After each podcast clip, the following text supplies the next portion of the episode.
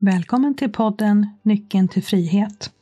Podden som vill inspirera och guida dig till ett liv där du gör din grej på ditt sätt och du känner livsglädje och djupare mening oavsett vad det här innebär för just dig.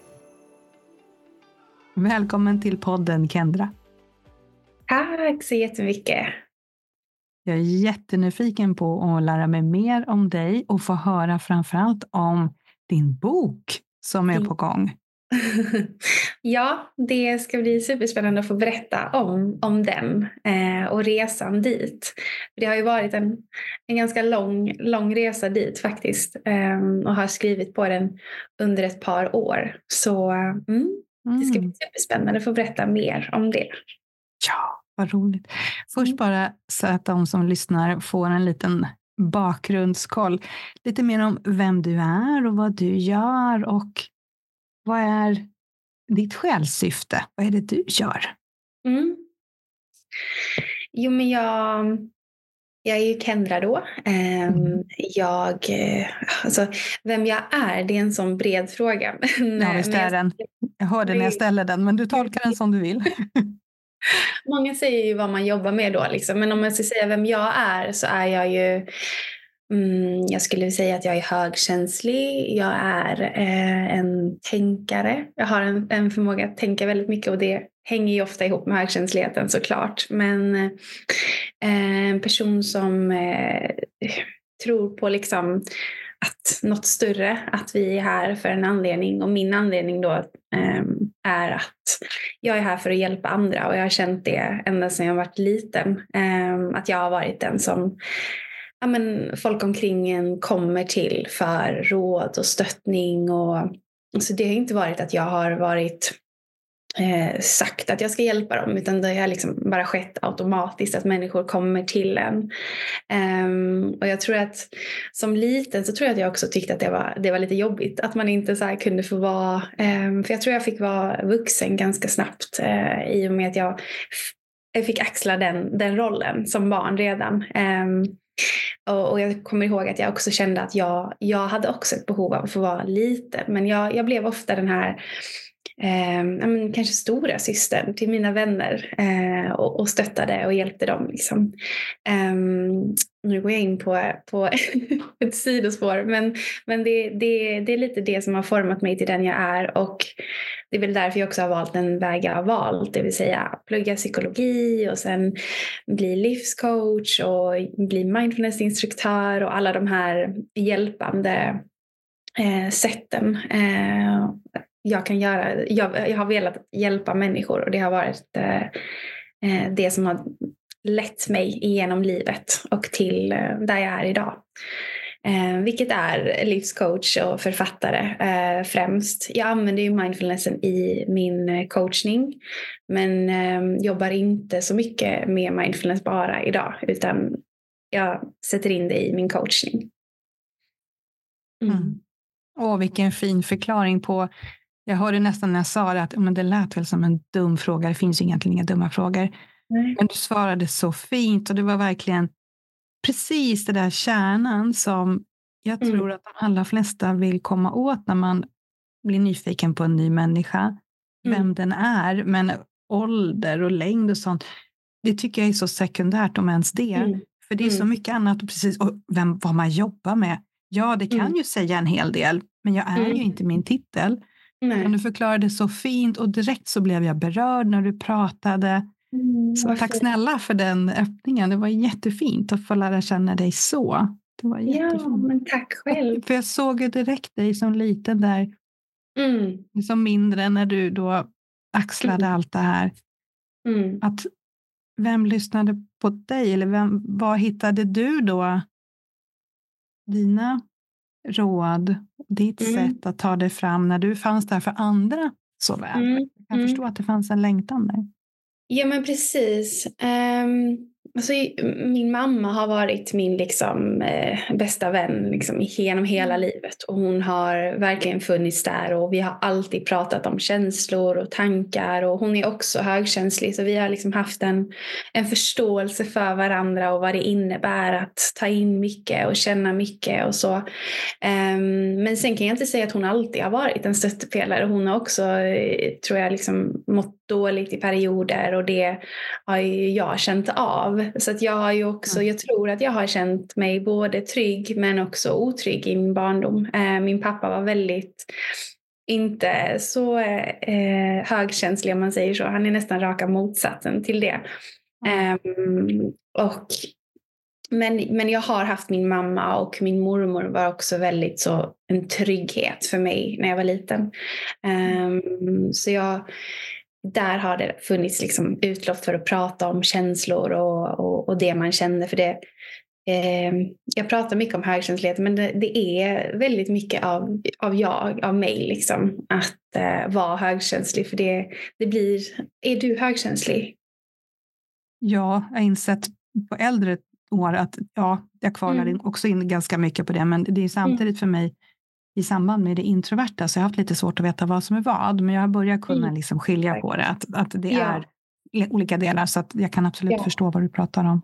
Ja men precis, för 70 procent tror jag det finns att 70 procent är introverta av högkänsliga och 30 mm. procent är extroverta. Sen har man liksom inte en, en procent på ambiverta för det finns ju en del också. Mm. Um, men eh, ja, precis. Det, det är också svårt att, att särskilja. Om man, I forskning så har man ju behövt särskilja högkänslighet från eh, autism, tror jag. Eh, mm. Ja, för det finns en del likheter i det. Att man tar in mycket sinnesintryck och kan bli lätt stressad och så.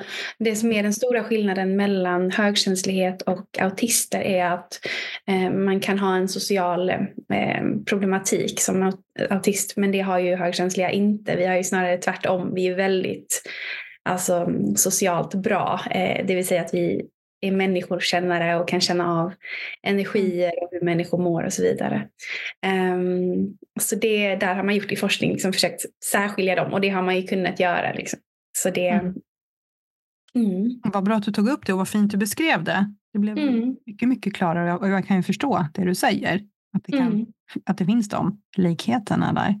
Mm, jag tänker också på att du hade ändå det här stödet när du växte upp med mormor och mamma och jag tänker att ofta så länge vi har rent ostuderat och oforskat på, men jag tänker att om man har ändå en viss form av stöd, man har någon, någon trygghet så här. Sen allt det som händer i livet, det är ju mycket mindre troligt att gå helt oberörd av livet genom livet, att det händer saker. Men jag tänker mm. allt det som du har upplevt är ju sånt som du nu kan genom ditt eget inre arbete, du förvaltar ju det, den medicinen som du hittar, ditt guld, mm. så att du sen finns för andra. Och det mm. hade ju kanske inte varit lika lätt om du inte hade haft de erfarenheterna med dig som du har. Nej. Tänk, vad Nej, tänker du om alltså det? Det, det? det tänker jag på ganska ofta. Alltså så att jag förstår att allting har ju en mening och jag förstår varför jag har liksom gått igenom det jag har gått igenom. För jag hade inte kunnat vara Eh, många av mina klienter säger men du är så icke-dömande. Det känns som att jag kan säga mm. vad som helst till dig och du, det känns som att du bara tar emot det. Och jag, det är ju ingenting jag kan fejka eller klistra på utan jag känner så mycket med människor och har en så full förståelse för olika liv och hur man hanterar det. det, det vi är så himla lika på så många sätt. Det är ju ofta rädslor och liksom trauman eller saker som har hänt tidigare i våra liv som påverkar oss sen att agera som vi gör. Och jag tror att samhället i sig sätter så mycket skam och så mycket skuld i hur vi agerar eller hur vi gör. Men jag försöker vara en person som istället gör tvärtom. Att, att man är kärleksfull och icke dömande och försöker lära personen att också vara så mot sig själv. För att det är det enda sättet att hjälpa sig själv att, att faktiskt acceptera det man har gjort och också vara kärleksfull mot sig själv i, i sin förändringsprocess.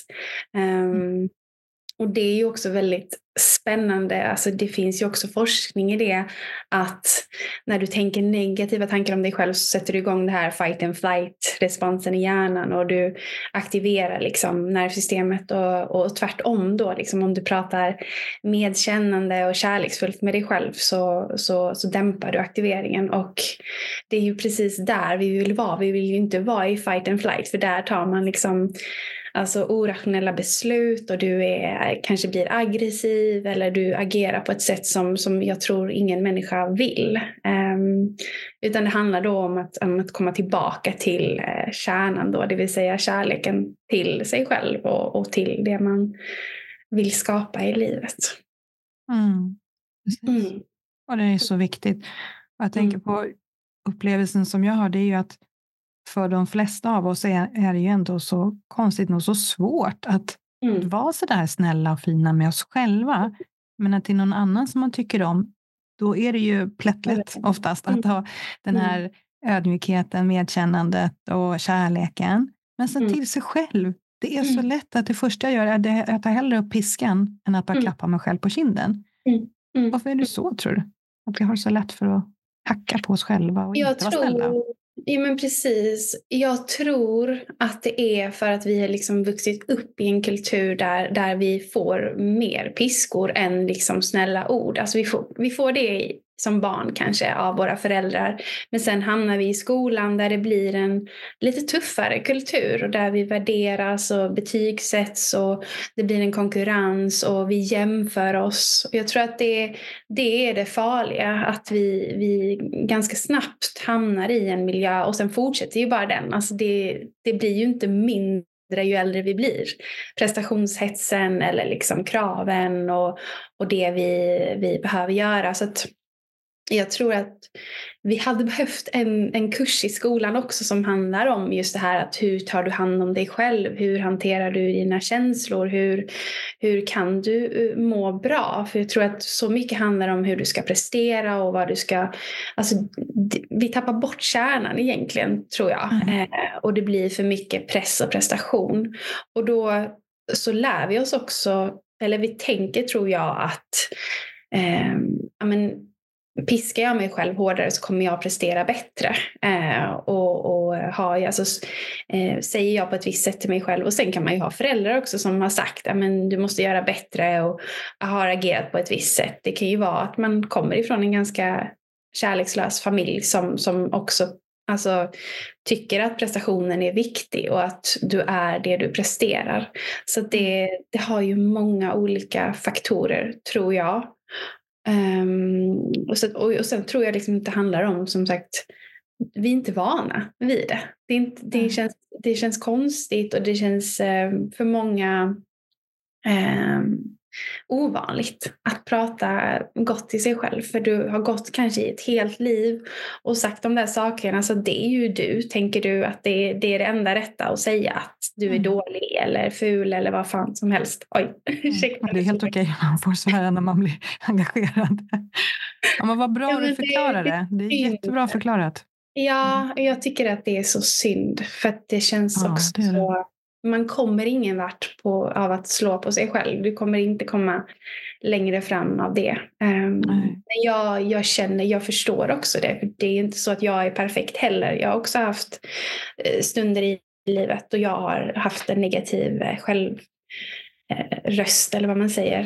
och det är väl det jag skriver mycket om i boken också. hur man kan skapa en mer självmedkännande röst. Och mm. där har mindfulness hjälpt mig jättemycket. För hela den mindfulness är ju uppbyggt på väldigt mycket kärlek och väldigt mycket medkännande och väldigt mycket empati och icke-dömande. Allting. Alltså det kommer ju från eh, buddhismen. Eh, och all, jag tycker buddhismen är så fin för den är väldigt så, alla de kärnvärdena som jag ändå står för. Det, det, det kommer därifrån. Så mm.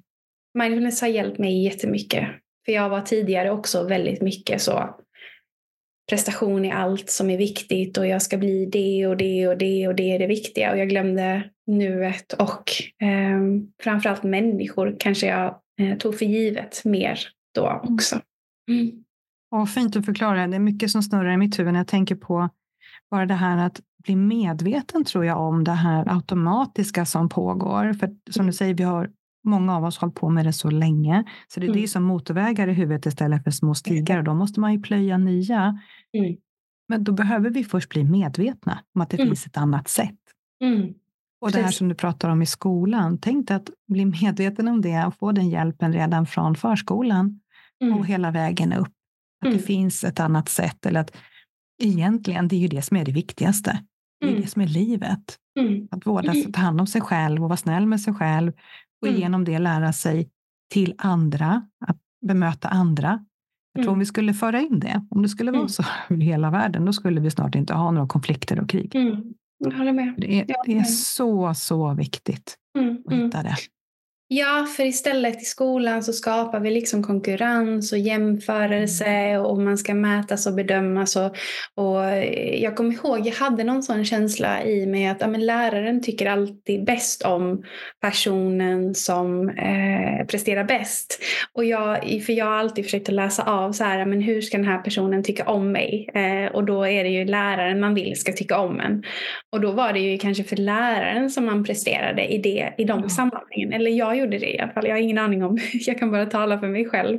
Mm. Men det blir också så sjukt liksom, att du ska prestera för att kunna bli omtyckt. Mm. Um, där tror jag att det blir en, och där tror jag också att läraren har en roll i att, att faktiskt också bekräfta elever, inte bara på deras prestation utan bara men gud vad bra kompis du verkar vara eller alltså att, att, att um, faktiskt inte bara bedöma prestationen eh, i skolan. Mm. Där tror jag att det sker jättemycket eh, i våra sinnen och i våra huvuden som barn. Att man, att man börjar förstå att okej, okay, jag behöver prestera för att vara bra. Eh, Exakt. Mm. Ja, jätteviktigt för det här att mm. bli älskad för att vara eller göra, självkänsla, mm. självförtroende. Det där är mm. jätteviktigt att vi mm. får med oss. Och har vi inte det, att vi få en insikt om att vi kan faktiskt förändra det och komma tillbaka mm. till att vi är perfekta i vår operfekta mänsklighet och vi duger så fint precis som vi är. Vi behöver inte göra någonting för att vara älskade och få vara med i flocken och allt det här som mm. egot annars kommer in med rädslotankarna. Mm. Att Åh, då får jag inte vara med, då blir jag inte omtyckt, då får allt det här liksom att det bara rullar på och så piskar vi oss ännu hårdare. Mm. Precis, ja. precis. Ja, Nej, det är så himla viktigt. Det är alltså just det här du pratar om medvetenheten och att komma förbi egot och allting. Allt, allt det tar jag upp i boken. Det är så roligt att du tar mm. upp de här ämnena. Ska vi berätta mer om boken. Ja, okej. Okay. Hur har den börjat gro i dig och hur kommer det sig att den har sett dagens ljus? Men alltså, det är egentligen så här från början dagboksanteckningar för mig själv eh, där jag har behövt hantera men, känslor som oro eller ångest. Eller, jag hade så himla svårt för förändring förut, alltså förändra i livet, alltså stora saker. Liksom. Ehm, så det började med att jag skrev massa anteckningar och sen så tror jag bara att jag läste dem och kände att men Eh, hur, kan man, hur kan man göra för att hjälpa sig själv här? Vad är det de här problemen är? Och det var, det var lite så, så att jag började då sen i efterhand då eh, skriva till eftertexter till de här texterna som jag hade skrivit. Um, så då kommer jag ju då som lite äldre och visare mm. och hjälper den här yngre personen eh, med de här problemen. Och också då har jag då utbildat mig till mindfulnessinstruktör och inom psykologi och läst väldigt många självhjälpsböcker för jag själv var oerhört vilsen um, och lärt mig så mycket och jag kände att jag kan hjälpa mig själv i här liksom. och då då blev det att jag började eh, skriva eh, texter, eftertexter då till de här dagboksanteckningarna om känslor.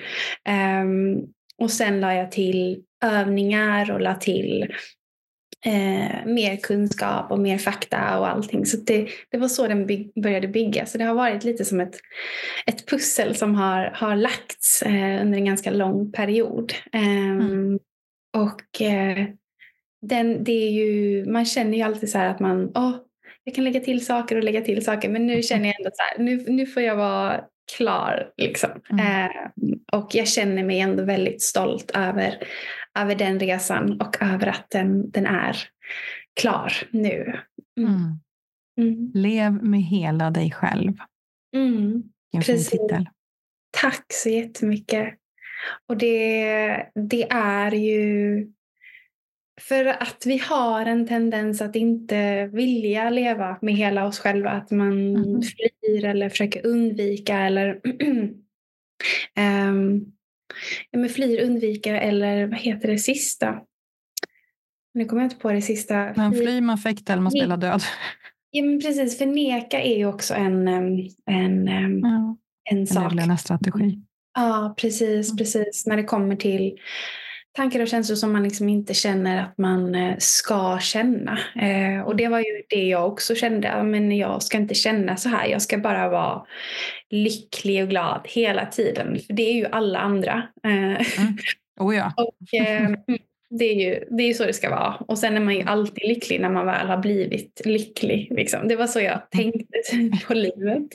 Eh, och det är klart att man blir besviken då. Eh, det är klart att ja. man känner att shit vad jag misslyckas här med livet när jag ska vara liksom bara glad hela tiden.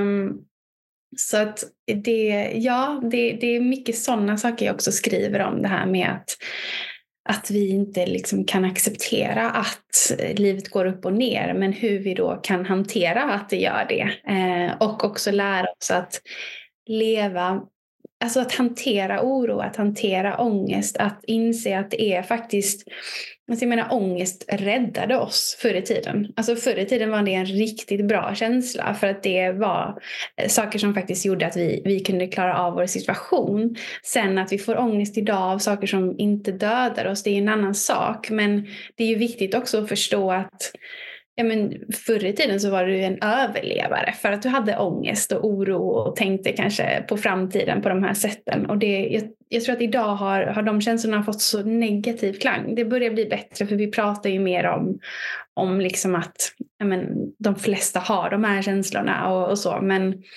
men det är fortfarande en skam som kommer med det och jag, jag tror att mm. det, det är viktigt att man, ehm, man lär sig att eh, ta hand om sig själv och, och, och, lösa den skammen och inte så att man lär sig att man inte behöver känna det. Eh, mm. För det är väldigt liksom, universella känslor. Så viktigt. Jag känner att den här boken har ju verkligen ett viktigt syfte och du, även du i ditt jobb med din coaching och hur du möter människor. För det känns ju verkligen när man pratar med dig, eller när jag, jag pratar med dig nu, att du har just den här ödmjukheten, att det här tillåtandet Mm. Det finns ju liksom inte en gnutta av att skam och skuld skulle vara delaktiga här, utan att de skulle ses med kärlek också. Mm. Och det är så viktigt, det du mm. gör.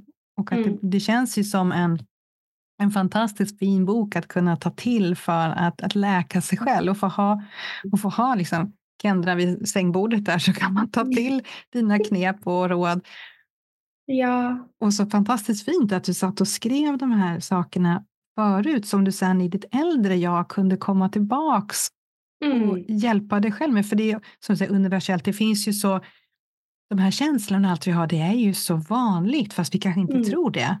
Mm. Att få hitta det här, de här hjälpen, de här sätten och verktygen som någon annan redan då har testat, det är ju faktiskt väldigt fint att kunna få Ja, Precis. in där. Lite räkmacka och få lite hjälp till att ja. kunna hantera allting. Ja, alltså det är ju en bok som jag själv hade behövt känner jag. Mm. Jag hade behövt, för jag, jag har ju plockat ihop från alla olika håll och kanter vad jag tyckt varit viktigt och komprimerat det liksom i, i den här boken. Um, men jag glömde också säga någonting kommer jag ihåg och det är att det var när jag blev utmattad som jag också Eh, fick tid att förändra mitt perspektiv på, på livet och på vad som faktiskt var viktigt. Och det var lite i den vevan som jag utbildade mig efter det till mindfulnessinstruktör och så också. För jag, eh, jag hamnade i en grupp när jag blev utmattad för eh, utbrända eller sjukskrivna. Eh, och det var där jag hittade till mindfulnessen.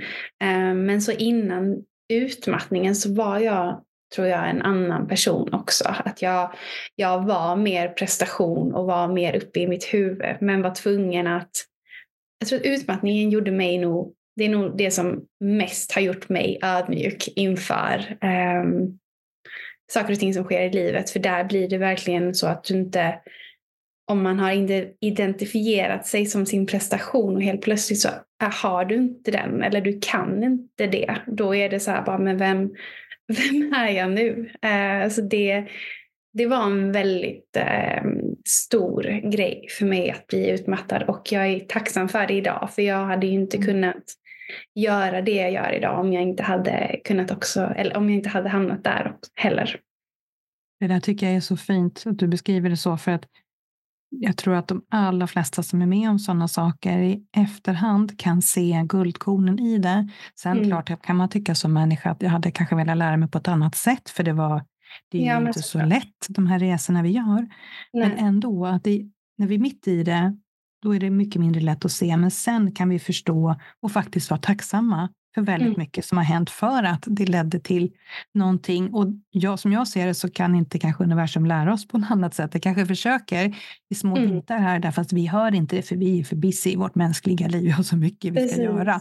Precis. Och så ibland behövs det liksom stopp. Mm.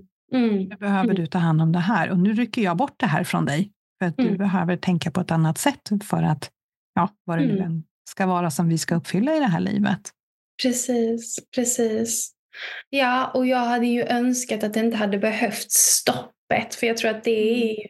för många människor att ja, jag behövde eh, antingen bli utbränd eller få liksom hjärtattack eller vad som helst. Alltså för att kunna börja förändra. Och det är där jag känner att det behöver, ehm, man behöver stanna upp innan det och börja fundera lite innan det. Och, och kanske, ja, men jag tror det handlar väldigt mycket om att dels stanna upp och fundera och reflektera. Men vad gör jag? Vad är jag i mitt liv? Och, och är jag på rätt spår? Och är det, vad, är, vad är värden som, som, som drar mig framåt? Vilka värden tar mig framåt? Eh, så att man ifrågasätter lite sig själv och inte bara så här, men jag ska först ha ett jobb, sen ska jag göra karriär, sen ska jag ja, men, säg, skaffa barn, sen ska jag köpa hus bla, bla, bla, och inte fundera över men jag menar det finns en mall absolut men vill du det? Vill du mm. det? Eh, och om du inte vill det, varför fortsätter du göra det? Är det för din mamma eller din pappa eller din någon lärare i skolan? Alltså ofta gör du eller lever du ett liv för någon annan. Och det ja. tror jag är viktigt att man vaknar upp och säger men vad är viktigt för mig? Vad är faktiskt Precis. viktigt för mig, inte för någon annan? Och, och, i slutändan så handlar det ju bara om det, att du ska leva ditt liv och, och på ditt eget sätt. Och där mm. har jag också varit vilsen, för jag har också varit så att jag har känt att ja, men om de gör så, då kanske jag också ska göra så. För att de verkar tycka att eh, sitta som ekonom på ett kontor är jättekul. Då kanske jag också ska göra det. Men samtidigt, mitt huvud har jag bara, nej jag kommer aldrig klara av det där. Liksom. Jag är superdålig på siffror och kontorsjobb, kontorsjobb överhuvudtaget har alltid skrämt mig oerhört mycket. Um, så det hade inte varit en bra, en bra grej. Men, eh, men man tänker ju ofta så liksom att men de, de blir lyckliga av det. Då, då borde jag också bli jättelycklig av det. Och man kommer oftast med råd utifrån sig själv. Att men jag mår bra av det här. Du kanske ska börja med det här också. Och mm. det, idag blir alltså, jag får typ ont i magen när någon gör så för jag blir så här, men då istället, du kanske borde istället ställa frågan till din vän eller eh, barn att, men vad tycker du är kul? Vad mår du bra? Vad, vad, mm. Så att man istället öppnar upp för vad personen har inom sig istället för att lägga på sin egen åsikt eller sin egen sanning på någon annan. För det, vi, är, alltså vi är väldigt lika men väldigt olika. Och jag tror det är viktigt att man får känna att man själv eh, styr sig själv och att man själv väljer sitt liv. Det tror jag är viktigt. Det är superviktigt. Det kan jag verkligen hålla med om.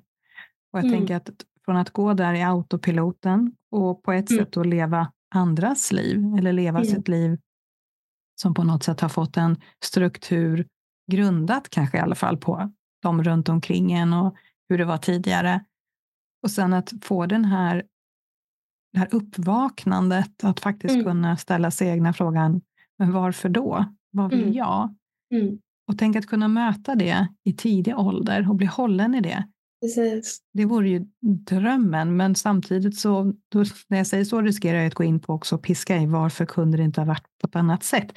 Nu är det mm. som det är, men att oavsett var man är, att våga ställa sig frågan, varför då? Vad är det jag mm. vill? Precis. Och sen mjukt möta sig själv där. Och där tänker jag att mm. din bok kan ju vara något väldigt fint att hålla i handen. Att mm. få mm. tips och råd så att det inte blir skrämmande. För det tror jag många kan undvika den frågan. För vad gör jag då? Vem mm. är jag då och vad ska jag då? Jag har ingen aning, har inga resurser att ta hand om det. Nej, Nej. jag stänger av och fortsätter här. Mm, mm. Precis, jag tror att många tänker också väldigt långt. Att man tänker liksom långt fram, men då måste jag komma dit. Och så tänker man inte på de här fina delmålen som kan göra den här resan mycket lättare. Eh, mm. Och att man, man inte vågar eh, ställa sig själv frågan varför, precis som du säger. Det mm. är, ju, det är ju läskigt att vakna upp och det är många som aldrig, aldrig gör det. Och det, mm. jag respekterar det fullt ut, för för vissa känns det alldeles för läskigt. Um, och det, men det är väl därför jag känner mig väldigt glad att jag på något sätt um, kraschade, eller vad man ska säga, i tidig ålder för jag var tvungen att liksom vakna upp mm. ganska tidigt. Eh, och så. För det jag kan ändå känna, jag kan förstå att om man är lite äldre att det, blir, det känns tuffare. Men det är ju mm. aldrig för sent. Det är ju verkligen aldrig för sent. Men det handlar ju också om den här viljan. Du behöver ha viljan att, att förändra. Um, ja. Ingen kommer någonsin att, att göra de där valen för dig eller ta de där stegen. Och, och där tror jag, där behöver man ju skapa ett, ett starkt varför. Eh, så man mm. vet när man är osäker att men varför, varför, varför gör jag det här? Och även om det är tufft och även om det är jobbigt och även om det är svårt så, så vet jag varför. Mm. Exakt, man har sitt varför, det är kristallklart så det blir bränslet så man orkar den här transformationsresan som Precis. det faktiskt blir. Och Precis. även tror jag se vad behöver jag för resurser? Det kan vara mm. som din bok, till exempel att man hittar någonting sånt som man kan hålla i. Mm. Det kan ju också vara att man behöver ta hjälp av någon annan. För det är lite mindre lätt att se det som är precis framför näsan på en själv. Precis. Ja. Men precis som du säger, grunden är ju verkligen det här starka varför. För vad är det jag vill? Mm. Och då gäller det att undvika att huvudet ska svara på det. Att det mm. verkligen sjunker ner i själ och hjärta. Vad är precis. det för mig som gäller? Precis, precis. Och det är där som det är, tror jag, väldigt viktigt att, att man hittar något sätt att komma in i sin kropp. Alltså det kan vara mm kanske träning eller yoga eller meditation, alltså något sätt där du landar i dig själv och, och är med dig själv. För det är där jag också tror att många människor är lite rädda för att, att vara med bara sig själva. De mm. är lite rädda för sig själva för, och för vad som ska hända där. Och det är ju ju mer du springer ifrån dig själv desto mer rädd kommer du bli. Um, jag har gjort en reel om det tidigare. Att så här, ju mer du undviker någonting desto, desto jobbigare kommer det bli i slutändan. För den här saken blir ju väldigt jobbig. Um, men, och där, det är ju så viktigt också tror jag, liksom att, att ta hand om den här rädslan och förstå att ja, men det är klart, det är fullt förståeligt att du är rädd för dig själv då i det här fallet. Men men det är ju också bara för att du har undvikit det. Och egentligen mm. är det inte farligt. Och det enda som, enda och enda, men det enda som du kommer behöva möta är kanske känslor från tidigare upplevelser. Och, och även de klingar av. Alltså alla känslor klingar av. Men du behöver möta dem för att kunna faktiskt känna dig fri och kunna känna dig hel. Och vad jag tror också kunna ta beslut utifrån ett klokare, högre jag. Där du, där du faktiskt tar dem liksom i en medvetenhet och inte bara så här, ja men oh, jag stressar. Stress. Mm. Ja precis, man stressar vidare, tar något val och så känner man sig ännu mer vilsen. Alltså det, ja. det är så det är jätteviktigt. Det är jobbigt men det är också väldigt viktigt. Och precis som du säger, det, det är, ofta, det att ta hjälp av någon annan, om det är coach eller terapeut eller psykolog eller vad som. Liksom det, det är oftast en, en viktig grej också, att man känner, mm. för det, det kan jag känna att eh, klienter pratar om, man behöver stanna upp dem och, och frågas, faktiskt ifrågasätta, men okej, vad sa du där och, och vad stämmer det? Att man ifrågasätter att man ställer frågan och då mm. blir det verkligen så här bara, nej men det kanske inte gör för, för de börjar tänka eh, på att deras sanningar faktiskt kanske inte stämmer. Eh, det så kan det absolut vara. Vi har ju så starkt ego som kan lura oss själva så att vi inte själva mm. ser det. Och då behövs det någon från sidan som ser det. Precis. Jag tänkte tillbaka på den här rädslan du pratade om. Jag fick verkligen den här bilden. Du förklarar det mm. jättebra. Att ju mer du drar ifrån den, desto starkare gasar den och kommer mm. ikapp dig på något sätt. Det är som att vi föder ju rädslan med vårt undvikande. Mm, Men när vi på något sätt stannar och vänder oss om och möter mm. den här med medkänsla med mm. värme, med kärlek, att våga också. Där kommer den stora saken till att våga känna, precis som du sa. Det är mm. jätteviktigt. Mm. För när vi För... vågar känna, vågar höra vad finns bakom den här rädslan. Vad mm. vill den faktiskt säga oss? Det mm. finns ju någonting där. Att mm. låta det få komma fram och tittat på. Mm. Skiftat, kanske läkt, att det händer en förändring. Där. Som du säger, att känslorna de kommer ju klinga av. Det, det känns ibland som att det här klarar inte jag, men det gör vi ju. Att det klingar av. Och så mm. kommer det någonting annat fram. Och vi kanske behöver göra om det några gånger, för mm. det är klart mm. att det kan komma Precis. tillbaka.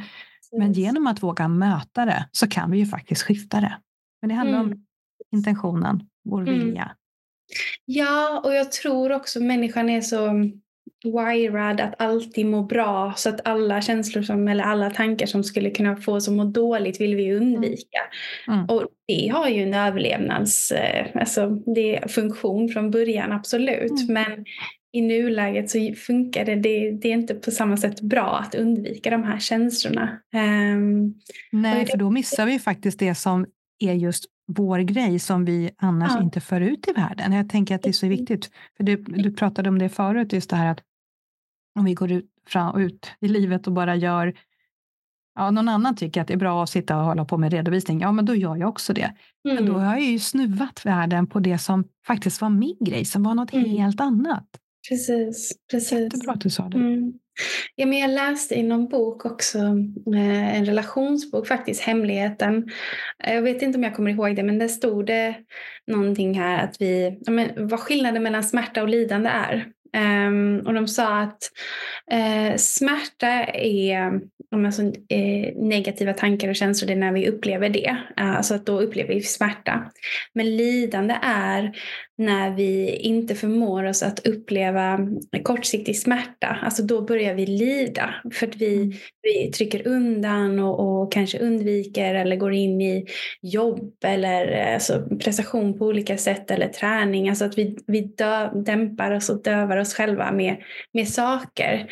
Eh, och då börjar vi lida istället. Istället för att då mm. faktiskt bara uppleva smärta och se, alltså den, den kommer inte vara för alltid men, men om du inte gör det så kommer du att börja lida och det tyckte jag var väldigt det var så bra tyckte jag hur, hur mm. de beskrev i den boken att eh, skillnaden mellan smärta och lidande. Um, mm. Och eh, då känner jag ju själv liksom att amen, jag, vill, jag vill mycket hellre uppleva smärta än, än lidande. För det är ju så långdraget och det är, så, det är en så mörk, eh, mörk känsla ändå. Den här smärtan är ju ändå, som jag ser i alla fall, det är en del av livet. Det gör att jag mm. känner mig faktiskt levande. Att jag mm. tillåter alla delar av mig att få mm. vara med. Men lidandet, det ligger ju som en latent livs kraftsutsugare på något sätt. Det mm. förtar ju så mycket. Det lägger ju lock på allting och det dämpar och gömmer och det blir inte äkta när jag, när jag gör det valet. Så att ja. smärtan, ja, alla mm. gånger hellre det.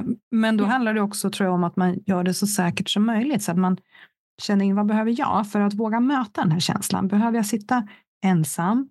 Mm. Behöver jag ha någon med mig? Vad behöver jag säkra upp med så att man blir så trygg som möjligt för att fullt ut kunna känna känslan hela vägen? Så att inte, oh, nu har jag känt lite grann, nu går jag och gör någonting annat. Och så har man mm. liksom lurat sig mm. själv. Precis. Nej men precis, verkligen gå in i det och tillåta sig själv att gråta, tillåta sig själv att känna och liksom alltså känslan efter du har fått uppleva en stark, jobbig känsla är oftast lättnad. Om du verkligen har gått in i den så är det ju oftast lättnad. Och när du gråter, det liksom frisätts endorfin tror jag till och med och, och oxytocin och massa må bra-hormoner faktiskt. Och det tycker jag också är så fint för då det innebär ju verkligen att gråt är en, en bra grej. Men det är också mm. som att vi, vi vill helst inte gråta för det, mm. Det ska inte vara bra. Men det, det är fantastiskt. Det är läkande. Det är läkande och jag tror också att Många till exempel använder ju relationer för att inte behöva känna eh, och känner sig ännu mer ensamma för att man kanske sträcker sig ut till en, en vän eller en partner hela tiden när man, när man egentligen skulle kunna känna. Och där tror jag också att man kan verkligen alltså bli så mycket starkare i sig själv om man lär sig att ta hand om sig själv istället för att fly, fly in i någon annan relation eller alltid ta råd och stöd. Att det, det handlar om, det, det är också viktigt att kunna göra det och jag tror det är oh ja. att kunna bli lite av den föräldern som många inte kanske har haft i sitt liv. Mm. Att man behöver lära sig att bli den där eh, personen som tar hand om sig själv eh, mm. också. Det, ja, Viktigt. Mm. Så mycket klokskaper som ni kan. Jag sitter och bara myser hela min själ, alltså lycklig för allt fantastiskt som kommer igenom här. Jag mm. tänkte bara innan vi avslutar, skulle kunna berätta lite mer om det här med högkänslighet. För det, jag mm. tror att kanske många som lyssnar på podden vet vad det är, men om du skulle kunna förklara med dina fina mm. ord vad det är för mm. någonting. Precis. Um, ja, men, alltså, om man ska säga högkänslighet så har ju Elaine Aron, eh, är forskare och psykolog, hon har ju forskat på begreppet sedan 1999 tror jag. Så det är ganska några år nu. Um, och hon har ju kommit fram till en så här förkortning som heter DOSE tror jag det är. Och då står D står för djupt bearbetande. Och det är liksom att man bearbetar saker, tankar och känslor att det finns olika nivåer. Det vill säga att du, ja, men du, du tänker mycket och kanske tänker mycket på dina tankar. Förstår du vad jag menar där mm. när jag mm. säger så? Mm. Att du kanske tänker, men du kan också typ bearbeta gårdagen. Att du tänker igenom vad hände där, vad sa han där? Och, men i kunskap också i olika lager. Så det är en del, det här djupa bearbetandet. Eh, sen O står för overstimulated och det betyder överstimulerad på svenska. Eh, och det är ju vår eh, tendens att kunna bli överstimulerade. Och det är när vi utsätts för för mycket ljud, för mycket ljus, för mycket men, eh, relationsproblematik kanske. Att du känner att saker och ting det blir för intensivt för våra hjärnor är, eh, är lite annorlunda än andra hjärnor. Vi, vi tar in väldigt mycket sinnesintryck. Eh, ljus och ljud och, och så vidare. Eh, och det, det tar mycket på hjärnan så därför kan man uppleva en slags hjärntrötthet och då kan det leda till den här överstimulansen och då kan vi bli väldigt trötta. Um, så trötthet är en, en alltså negativ aspekt av, av högkänslighet kan man säga när man har utsatt sig för för mycket stimuli och för mycket saker som, som tar energi. Um, och sen har vi då E ehm, och det står för emotionell mottaglighet och det är att vi lättare kan kanske känna av andra människors känslor och känner av våra egna känslor. Vi känner mycket känslor och det, det känns oftast väldigt starkt. Men också att man kan gå in i ett rum och, och känna av stämningar och, och vem är sur och vem är glad och, och, och det. Och det är en, en viktig grej att kunna lära sig att stänga av den, eller vad man säger, att eh, hantera den. Eh, ja, hur man läser av människor. Det är viktigt att kunna lära sig det, att man ibland ska fokusera på sig själv istället för alla andra. Mm. Eh, och sen är det S och det står för subtila nyanser tror jag. Och det är att man känner av också att man kanske ser en min eller en blick. Eh, att, att du har lätt för att läsa av vad som sker eh, som andra inte märker. Eller kanske en underton i någons... Eh, någon kanske säger någonting men det, du läser av att ah, men det är någonting under det här. Mm. Men också att man upptäcker subtila nyanser i miljöer. Att du kanske ser en röd blomma som ingen annan uppmärksammar. Eh, mm. det, Mm, man har sett i fMRI-scanning att den högkänsliga hjärnan, alltså att man har provat olika människor som har kollat på en bild och den högkänsliga personens hjärna, det stimulerar mer områden i hjärnan, det vill säga vi, vi ser fler, alltså fler saker på en tavla påverkar våran, våran hjärna mer än vad en annan icke högkänslig. Så vi tar in mm. väldigt mycket i en miljö och det innebär mm. liksom att vi, vi har det här att vi har tentaklerna utåt och su suger in. Liksom. Mm. Mm. Alltså det är ju en superkraft. Kan jag, jag tycka. tycker det. Mm. När vi tar ja. hand om den på rätt sätt. Men jag kan förstå att den kan dränera och ja. verkligen vara utmanande. Men ja. vilken superkraft det är. Jag tycker det. Alltså idag tycker jag det. Eh, jag har, tror jag, när jag inte förstod vad det var och varför jag kände mig annorlunda som yngre, då, då um, det var svårare. Um, mm. Men jag tror att när man lär sig förstå vad det är och framförallt som du säger ta hand om den, ta hand om den och sig själv uh, genom mm. att hitta de här stilla stunderna och jag tror mycket pauser och tystnad och reflektion är viktigt för den här känsliga personen som um, vi vill gärna känna mening och, och, och djup, djup, djupa samtal är viktiga. Så det här samtalet är jättehärligt för en högkänslig person liksom, till exempel. Mm. Då är det um, två som myser, förhoppningsvis är det de som lyssnar som kanske också är högkänsliga som kan mysa. ja, det är verkligen en superkraft. Jag ja, tänker att när du förklarar så här bra så förstår jag ju nu varför jag på ja, senare år har insett att jag också kvalar in där. För jag tycker att mm. det påminner ju väldigt mycket om det som jag läser in i att vara introvert. Mm. Att det är många av egenskaperna som tangerar varandra, som är mm. lika. Mm. Men med din förklaring så ser jag ju faktiskt än tydligare skillnaderna på dem, mm. fast jag kanske inte mm. riktigt... Ja, för mig så är det ju mer också en för mig är det en helhet av många olika delar som blir jag. Så att mm. även om jag då har jag har svårt för etiketter på ett sätt, men samtidigt är det ändå det introverta inom mig. Men det innebär även den högkänsliga delen av mig. Men det, sammantaget är det ju den jag är. Sen får det heta vad det vill på ett sätt. Men det viktiga tror jag att var och en hittar verkligen, hur fungerar jag? Mm. Vad behöver jag? Vad vill jag? Mm. Mm. Så att vi alla Precis. kan vara så trygga och kärleksfulla och hållna som möjligt. Så att vi kan göra vår grej här, som vi mm. menade att göra på vårt sätt. Ja men precis. Och alltså, I och med att man, man räknar med att 30 procent av befolkningen är högkänsliga ungefär.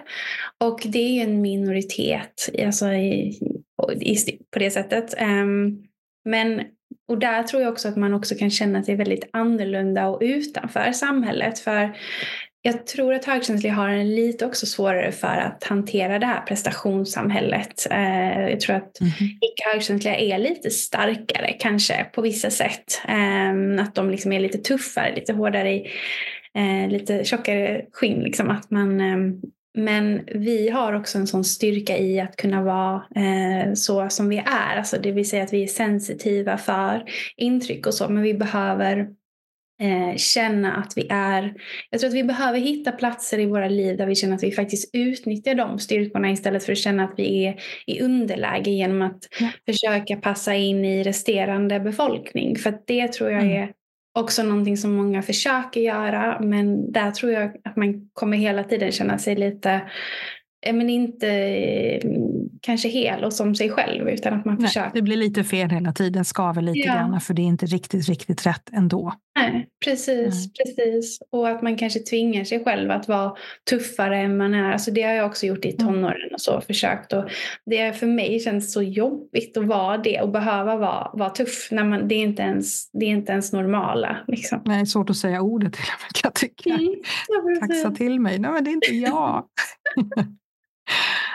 Ja, det är så ja. viktigt att hitta hem till den man är. Ja, verkligen. Det. Mm. Verkligen.